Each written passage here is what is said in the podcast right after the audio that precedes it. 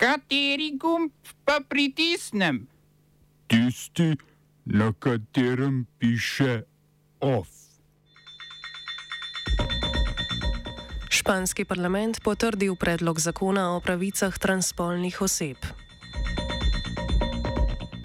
Čilski predsednik Gabriel Burič napovedal odprtje veleposlaništva v Palestini.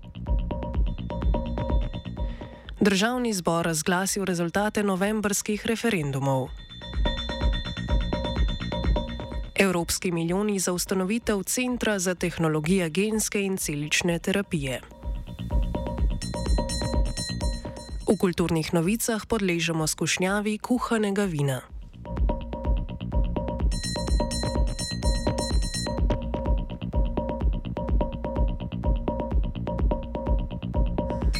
Poslanci španskega parlamenta so sprejeli zakon o pravicah transspolnih oseb, ki predpisuje, da je za spremembo spola na osebni izkaznici dovolj izjava o spolni identiteti. Sprememba zapisanega spola na osebni izkaznici bi bila transspolnim osebam starejšim od 16 let omogočena z odajo izjave. Zakon odpravlja zahtevo po zdravniškem poročilu, ki potrjuje disforijo spola, zahtevo po hormonskem zdravljanju, prepovedane pa bodo tudi konverzijske terapije. Zakon prav tako uveljavlja posebne pogoje, pod katerimi bi lahko z dovoljenjem staršev in sodišča za spremembo spola zaprosile tudi 12-letne osebe. Za potrditev zakona je glasovalo 188 od skupno 350 poslancev, obravnavana sprememba pa je privedla do manjšega razkola znotraj nominalno leve koalicije. Zakon mora sicer potrditi še zgornji dom parlamenta.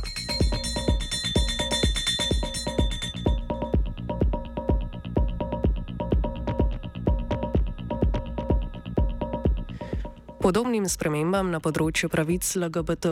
Plus oseb smo priča tudi na škotskem.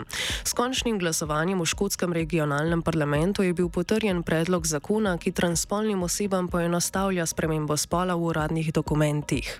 Da zakon lahko stopi v veljavo, bi ga moral potrditi britanski monarh, kar pa bi lahko skušala zavirati turijska vlada v Londonu na način, da bi preprečila kraljevo obravnavo zakona.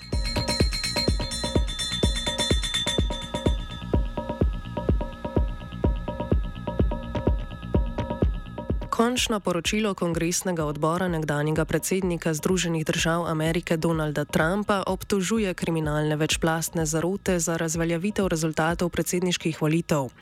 845 stransko poročilo posebnega parlamentarnega odbora vključuje pričevanja več kot tisoč bližnjih sodelavcev, policistov in aktivistov, ki so bili prisotni na odoru v kongres 6. januarja lani. Poročilo v ospredje postavlja Trumpa kot glavnega krivca za ustajo in ga obtožuje obtožuje spodbujanja in namernega širjenja lažnih informacij o volilni prevari in neveljavnih glasovnicah. Odbor ne more sprožiti pravnega postopka zopr Trumpa, vendar bodo lahko informacije iz poročila uporabljene v morebitnih sodnih procesih. Odbor je namreč pravosodnemu ministrstvu že priporočil kazenski pregon Trumpa.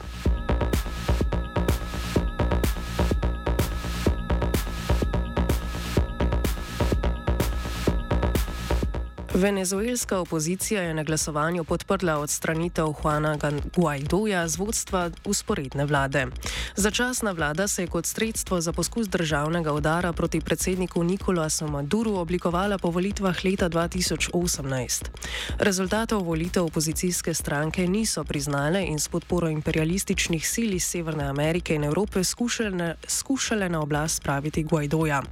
Njegov čas se je zdaj očitno iztekel, saj so tri od štirih opozicijskih opozicijskih skupin podprle nezaupnico Guaidoju, a je njegova stranka nezaupnico zavrnila. Predlog mora tako prestati še eno glasovanje prihodnji teden, preden bo dokončno sprejet.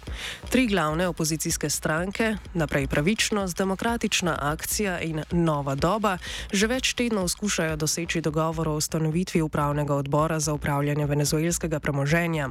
V primeru potrditve upravnega odbora naslednji teden bo zanj imenovanih pet predstavnikov iz vrst opozicije, Guaido pa bo odstavljen z funkcije začasnega predsednika. Pomembno je zlasti upravljanje ameriške rafinerije in trgovca z gorivom Sidgo, ki je v večinski lasti venezuelskega državnega naftnega podjetja.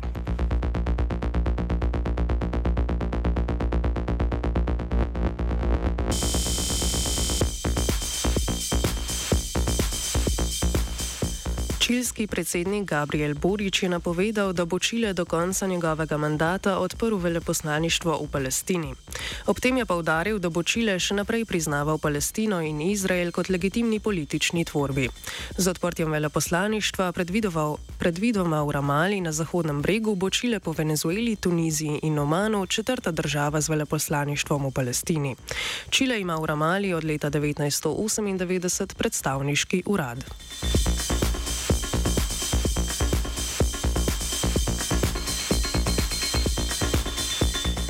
Okrajno sodišče kamboške prestolnice Phnom Penh je 36 pripadnikom glavne opozicijske stranke kamboške narodne rešitve odredilo od 5 do 7 let zaporne kazni. Obsojenim je očitana pomoč članom kamboške opozicije v izgnanstvu, da bi se vrnili v državo. Vsaj 33 obsojencem je bilo sojeno brez njihove prisotnosti na sodišču, eden pa je bil oproščen. Gre za peto množično sojenje kamboške opoziciji. Skupno so obsodili 100 58 opozicijskih vodij in aktivistov. Stranki Kamboške narodne rešitve je bilo delovanje prepovedano leta 2017 zaradi obtožb vlade dolgoletnega premijeja Huna Sena, da so člani opozicije načrtovali revolucijo proti Senu.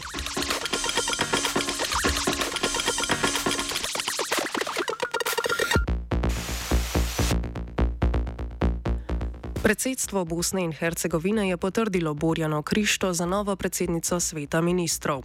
Funkcijo premijeja na državni ravni je od leta 2019 opravljal Zoran Tegiltija iz vrst Srpskega zavezništva neodvisnih socialnih demokratov. Borjana Krišto pa je podpredsednica Hrvaške demokratske zveze v Bosni. Vodenje zvezne bosanske vlade si izmenjujejo hrvaški, bosanski in srpski predstavniki. Smo se osamosvojili, nismo se pa osvobodili. Naslednje štiri leta še 500 projektov.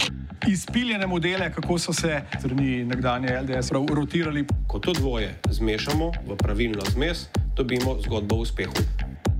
Takemu političnemu razvoju se reče udar. Jaz to vem, da je nezakonito, ampak kaj nam pa ostane? Brutalni obračun s politično korupcijo. To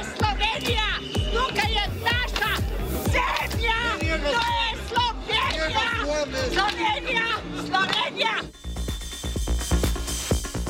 Državni zbor je na izredni seji razglasil rezultate novembrskih referendumov o novelah zakonov o vladi, RTV in dolgotrajni oskrbi.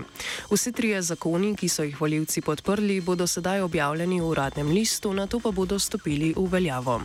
Poslanci Slovenske demokratske stranke so sejo obstruirali. Vodja poslanske skupine Jelka Godec je povdarila, da poslanska skupina ne nasprotuje rezultatu referendumov, temveč ogovarja kasnejšim postopkom. Navedla je odločitev državnega državne volilne komisije o skrajšanju rokov za določitev rezultatov referendumov. Poleg tega je zatrdila, da niso izpolnjeni vsi pogoji za razglasitev izidov, saj da odločitev vrhovnega sodišča glede pritožbe na poročilo volilne komisije o izidu ni bila uročena vsem strankam. Na poročilo o izidu referendumov so se pritožili osveščeni prebivalci Slovenije, a je pritožbo vrhovno sodišče zavrglo, saj so zamudili rok za vložitev pritožbe.